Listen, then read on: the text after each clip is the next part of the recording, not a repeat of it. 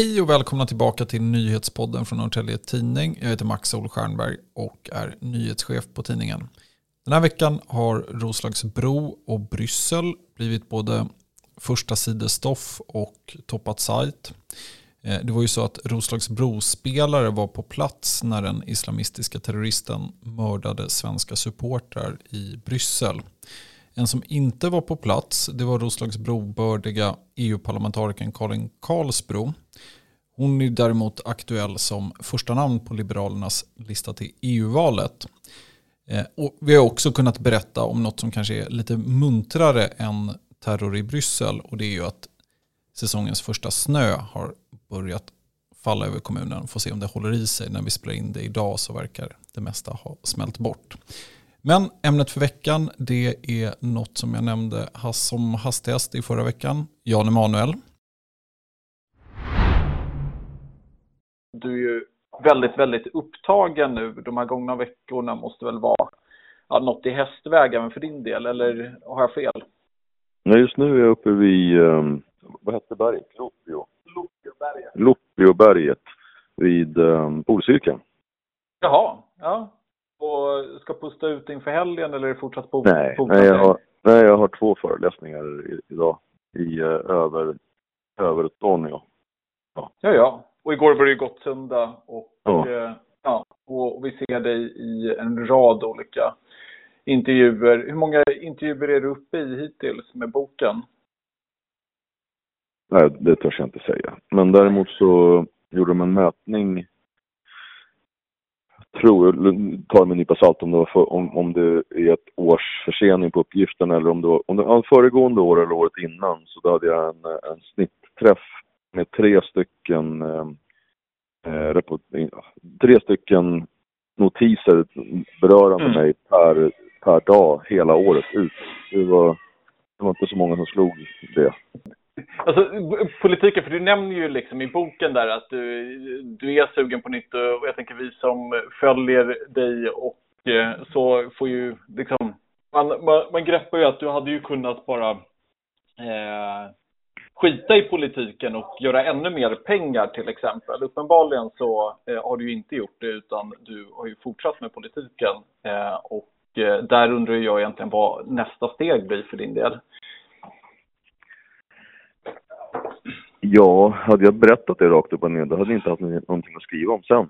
Och det är överraskningsmomentet som är, är det roliga här i, i livet. Så det kan, jag, det kan jag inte bara sabba rakt upp och ner. Nej, men jag, jag tänker du, du har varit i intern opposition väldigt länge i Socialdemokraterna. Är, alltså, är det verkligen Socialdemokraterna du är hemma i? Jag är ju som sagt var, vilket jag upprepar till till förbannelse socialdemokrat. Eh, och sen får vi se nu hur, och, och såklart kan jag inte ta, säga så här, det tack vare mig partiet numera låter mer som socialdemokrater än vad de gjorde tidigare.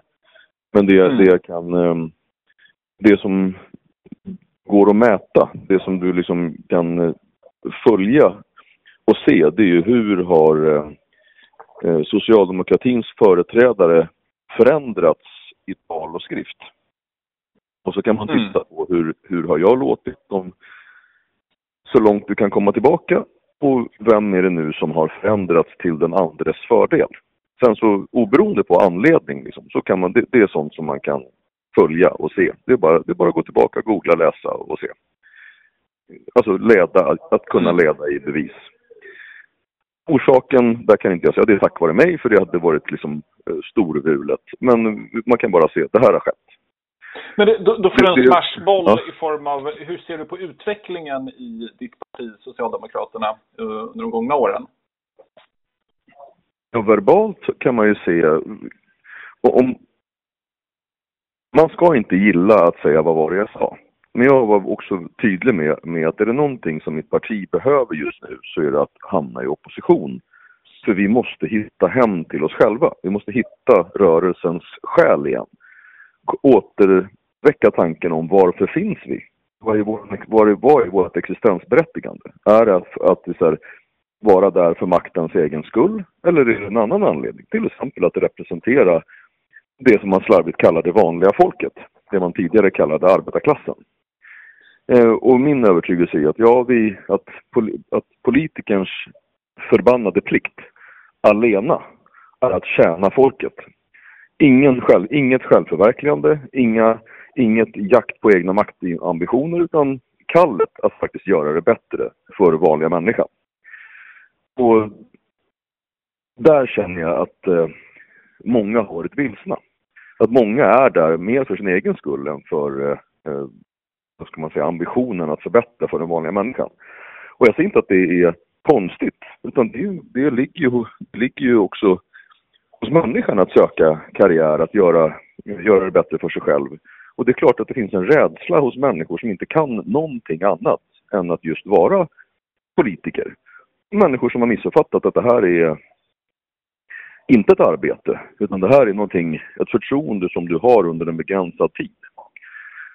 Den stora, mitt stora, om man ska säga, om man ska ta det, det, det, det tragiska först, det var att när väl förändringen kunde ske på ett sätt så att partiet verkligen kunde, kunde liksom dra in luften för att sen liksom gå ut eh, och att vara det vi en gång var. Det var ju när, Mag när Magda blev vald och hade möjligheten då att välja ett helt nytt team. Men hon väljer att ta de personerna som står ansvariga för den utvecklingen som har varit, de tar man till. Då bara, men det här är mitt nya team. Och hur ska du då kunna förändra med samma människor som står ansvariga för den utvecklingen som har varit riktigt dålig för den vanliga människan? Det, det var liksom det var besvikelsen. Det positiva, det är ju att hur du kan höra förändringen i sättet att eh, prata. Alltså hur vi återigen börjar låta som, eh, eh, som socialdemokrater i det verbala. Eh, och också när vi skrivit debattartiklar och liknande. Liksom, så man, man känner igen sig igen. Det som, det som måste till, det är att man också kan se att, att det här görs i, i reell politik. Eh, det enda man kan se nu, det är att man har frångått det som blev socialdemokratin under Stefan Löfven. Det vill säga, vi var anti... Vad, vad var vi för någonting? Jo, vi var inte Sverigedemokrater. Vår ideologi gick ut på att så här, om, de, om de sa ja, då sa vi nej. Sa de nej, då skulle vi säga ja. Oavsett vad de sa för någonting. Hej, Ulf Kristersson här. På många sätt är det en mörk tid vi lever i. Men nu tar vi ett stort steg för att göra Sverige till en tryggare och säkrare plats. Sverige är nu medlem i Nato. En för alla, alla för en. Vi är specialister på det vi gör, precis som du. Därför försäkrar vi på Swedea bara småföretag, som ditt. För oss är små företag alltid större än stora och vår företagsförsäkring anpassar sig helt efter firmans förutsättningar. Gå in på swedea.se företag och jämför själv. Så är du på väg att stryka intern opposition som beteckning? Ja, det skulle jag ju kunna, när jag vet att det är så, då skulle jag kunna göra det. Men inte, inte innan. Och jag, jag, har, som, jag har fått frågan många gånger, men kommer du rösta på Socialdemokraterna i nästa val? Ja, det är helt beroende på om sossarna är sossar. Jag, jag, är det något annat parti? Och det här är, verkar vara svårt att, att ta in på något sätt, men socialdemokratin är mycket, mycket större än partiet. Partiet det är bara en organisation som också har varit extremt dålig. Om någon annan, om ett annat parti med ett annat namn skulle bli bättre på att vara socialdemokrater än sossarna så är det socialdemokratin, folkets väl, som är det viktiga. Eh, och det tycker jag, det, det, det, det, tycker många, men vilken svikare du är, hur kan du ens säga så? Jo, men det är min lojalitet, ligger inte i partiet, utan i socialdemokratin. Och det finns en, en tydlig differens däremellan. Och det, jag tror att många börjar förstå det, även av partisterna. Men eh, ja, det, jag tror att det, det finns också en bit kvar. Med mig i studion har jag reporter Tobias Benander. Och du bevakar kommunen för NTs räkning och fick tillsammans med Lina Sköld äran att göra ett personporträtt då på den tveklöst mest omtalade Norrtäljebon. Ja, eh, jag tänker att innan vi sätter igång så ska jag bara säga det att det, Jan Emanuel är ju väldigt mycket så att vi kommer ha en liten avgränsning här i den här podden. Vi kommer fokusera på politikern Jan Emanuel. Och den som vill veta mer om personen, den får ju läsa ditt personporträtt tänker jag. För där får man en lite bredare bild än det vi kommer snacka om här. Eh, men jag kan väl börja där Jan Emanuel slutar i den bok som han nu är aktuell med. Och det är ju att han egentligen inte har stängt dörren till partipolitiken. Även om han har varit då i intern opposition inom Socialdemokraterna. Men jag tänker om du Tobias ska summera lite så det är en ganska lång karriär för Jan Emanuel i, i, i politisk karriär. Alltså, kan du dra lite kort hur, hur har den sett ut? Ja, absolut. Eh, den, den är ganska lång. Eh, 1998 så eh, drev han en framgångsrik personvalskampanj här i Norrtälje och blev ju invald i kommunfullmäktige. Där han i princip satt ända fram till 2014 som ledamot och även då i riksdagen så eh, blev han invald 2002 som ersättare men var också i lite omgångar som ersättare eller ledamot eh, kvar där ända till 2010. Och eh, han var även eh, statsrådsersättare för Ingela Thalén och Mona Salin. Så var det. Och eh, jag tänkte dra ett litet eh, citat från tiden här i Norrtäljes kommunfullmäktige. Där eh, Karl-Axel Öst som då var gruppledare för eh, Folkpartiet, Liberalerna alltså numera, där han sa så här. Det politiska livet i Norrtälje har han inte tillfört någonting. Men han är ganska populistisk. Märker han att det finns en opinion i någon riktning så kör han det spåret. Ja, det var eh, en väldigt besk kommentar om Jan Emanuel. Men det, och, och, det är ju någonstans så att det är väldigt många som har åsikter om Jan Emanuel. Och det, kommer väl, det är väl liksom den absolut rödaste tråden i eh, den personen Jan Emanuel. Jag vet inte, det går nog inte en artikel som vi publicerar utan att vi får eh, åsikter om honom.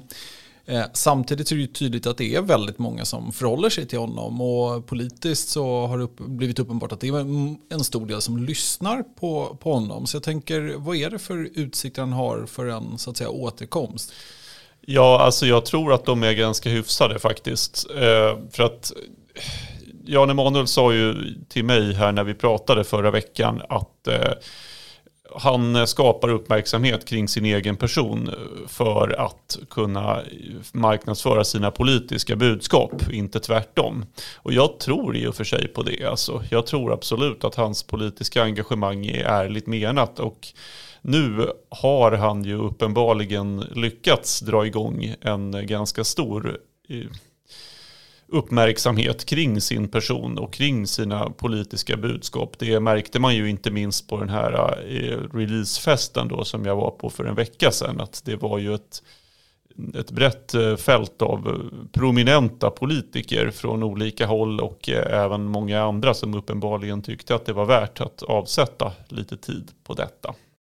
Du var ju där på Jan Emanuels releaseparty. Jag var inte där kände ju lite FOMO när jag såg dina bilder därifrån. Det var väldigt, väldigt många eh, personer från alla möjliga läger. Men alltså, kan du ta, ta med oss dit? Vilka var där? Vad, vad mm. hände? Var var ni?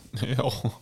ja, vi var ju alltså på Sturekompaniet som är en, eh, en flådig nattklubb i Stockholm. Kanske den flådigaste till och med på Stureplan. Eh, och eh, för Jan Emanuels del så var det här också en hemkomst. Han lanserade nämligen sin personvalskampanj där redan på 90-talet alltså. Lyckades han få till det på något sätt. Och nu var han alltså tillbaks där igen. Och ja, det var verkligen en salig blandning av människor. Eh, det var ju eh, allt ifrån Jimmy Åkesson som jag faktiskt missade själv, eh, men även Mattias Karlsson, SDs ideolog, chefsideolog som han har kallats. Där var mm. även Sverigedemokraternas stabschef Linus Bylund. Men för all del också föreningen Glöm aldrig Pela och Fadime som stod där som någon slags liten oas av normalitet mitt i alltihop. En, Just då, de verkar mot hedersvåld. De verkar mot och, hedersvåld och förtryck mm. och eh, fick även eh, intäkter för boken den här kvällen. Mm. Man fick själv betala hur mycket man ville för boken och ja, ja. Eh, så hamnade det där då. Och, men där fanns också ett ganska stort gäng SSU-are Och mm. det tycker jag egentligen är mer intressant. Det fanns även äldre socialdemokrater där som Mona Sahlin var ju där till exempel. Mm. Och eh, även Tommy Waidelich och flera andra socialdemokrater. Det är intressant, absolut. Men jag tycker nog att SSU-arnas närvaro här var mer intressant. Alltså för att eh, Lisa Nåbo då, som är ordförande för SSU, var där.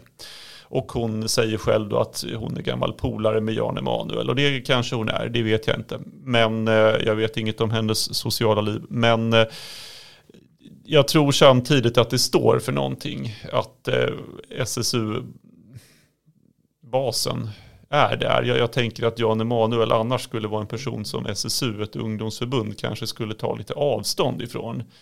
Men Om man det, inte tyckte om honom. Ja, precis. Och jag tänker att jag, jag trodde kanske inte att han var så poppis i SSU. Att SSU kanske inte riktigt tilltalades av hans mera ordning och reda och hårda tag och mindre invandring budskap. Men eh, det gör de uppenbarligen och det vad SSU gör säger ju alltid någonting om Socialdemokraternas framtid. Och mm. Eh, frågan är, tänker man sig då att man eh, ska gå mer då i i Jan Emanuels riktning framöver. Mm, men det kan väl skjuta in en brasklapp om att det är klart att den här podden blir ju spekulativ såklart. Men, men jag tänker det, det omvända eh, så var det ju en del som kanske inte var där. Eh, och Jan Emanuel, du nämnde att han har en lång politisk karriär. Han har ju varit socialdemokrat under en herrans massa år. Eh, vad kan man dra för slutsatser av att det kanske inte var så många av eh, just toppsossarna, men det var till exempel topp eh, Sverigedemokrater respektive eh, ja, SSU då och för den delen äldre sossar. Drar du några slutsatser mm. eh, från det? Ja, det, man kan väl dra slutsatsen att han kanske inte har så mycket kontakter då med det nuvarande toppskiktet. Mera kanske med det förra och det kommande toppskiktet då i sossarna. Mm. Det är mycket möjligt. Eh, sen vet man ju aldrig vad de har för sig. De kanske Nej. är väldigt upptagna också. Det var ju inte direkt några lokala sossar härifrån Norrtälje heller. Mm. Man, man, blir kanske inte profet i sin egen hemstad. Även om det ju är, han är ju engagerad här och är med i föreningen. Socialdemokratiska mm. föreningen då, eh, Norrtälje socialdemokratiska förening som är en del av arbetarkommunen och deltar ju i möten och så. Hej, Synoptik här. Hos oss får du hjälp med att ta hand om din ögonhälsa. Med vår synundersökning kan vi upptäcka både synförändringar och tecken på vanliga ögonsjukdomar. Boka tid på synoptik.se. Hej, Susanne Axel här. När du gör som jag och listar dig på en av Krys vårdcentraler får du en fast läkarkontakt som kan din sjukdomshistoria. Du får träffa erfarna specialister, tillgång till lättakuten och så kan du chatta med vårdpersonalen.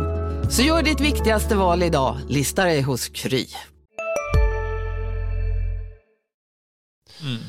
Det kan väl konstateras också att det är, det är ju rätt händelserikt på politikfronten så att jag föreställer mig att eh, även om man sitter i opposition på regeringsplanet så har man att göra och då mm. är man tvungen att hålla hårt i kalendern. Det gällde ju även andra regeringspartier som kanske inte lyste med sin närvaro, tvärtom.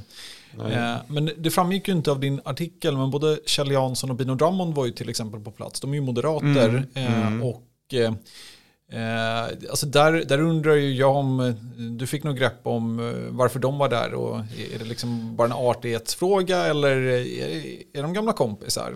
Ja, som inte kan. jag fick ju inget vidare grepp om dem alls för de flydde ju från kameran båda två. Eh, varken Kjell eller Bino ville vara med alls. Eh, Bino upprepade ju att han är privat numera mm. och eh, vill överhuvudtaget inte vara en offentlig person längre och eh, så vidare. Eh, nej men alltså jag tror ju att de eh, känner honom ganska väl. Bino och han umgås ju privat vad jag förstår och de lärde väl känna varandra någon gång som jag har förstått det när Bino var polsek för någon kommunpolitiker som kom Under i kontakt. riksdagsperioden? Ja, Janis riksdagsperiod, ja precis. Och så kom de väl i kontakt med varandra den vägen då. Och Sen eh, lärde de väl känna varandra då när Bino flyttade tillbaka hit till kommunen. Och eh, de umgås tydligen och är vad jag förstår kompisar. Mm. Och eh, exakt så om Bino nu menar allvar med att han inte är politisk längre offentligt så hade väl inte han heller några taktiska skäl att vara där. Och Kjell Jansson, ja, jag vet faktiskt inte riktigt. De var ju också engagerade politiskt samtidigt här ungefär under mm. i Norrtäljetiden. Och, och definitivt lärt känna varandra på ett professionellt ja, plan, ja. så är det ju.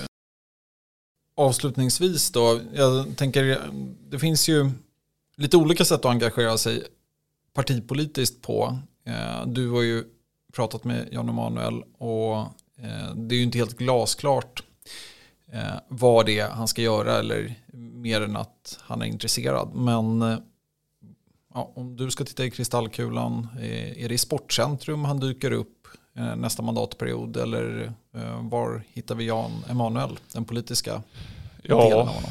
Ja, gud vet. Men eh, det skulle kunna tänkas att han dyker upp som kandidat till nästa kommunfullmäktigeval, ja.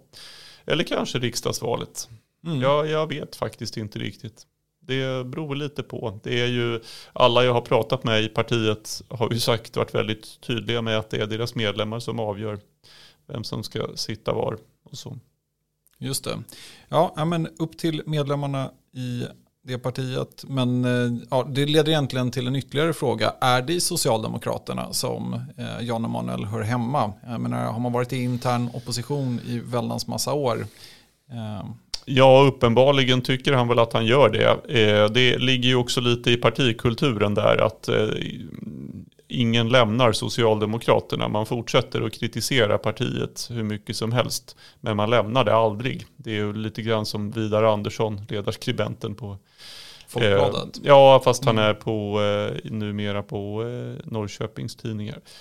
Ehm, eller ja, det finns flera andra exempel på socialdemokrater i just intern opposition. Men man, man lämnar liksom aldrig partiet. Och eh, sen kan man ju tycka såklart att stödet som han nu får på sociala medier och allting verkar ju snarare komma från folk som röstar på SD än S. Så man kan ju fråga sig då hur användbar han faktiskt är för Socialdemokraterna.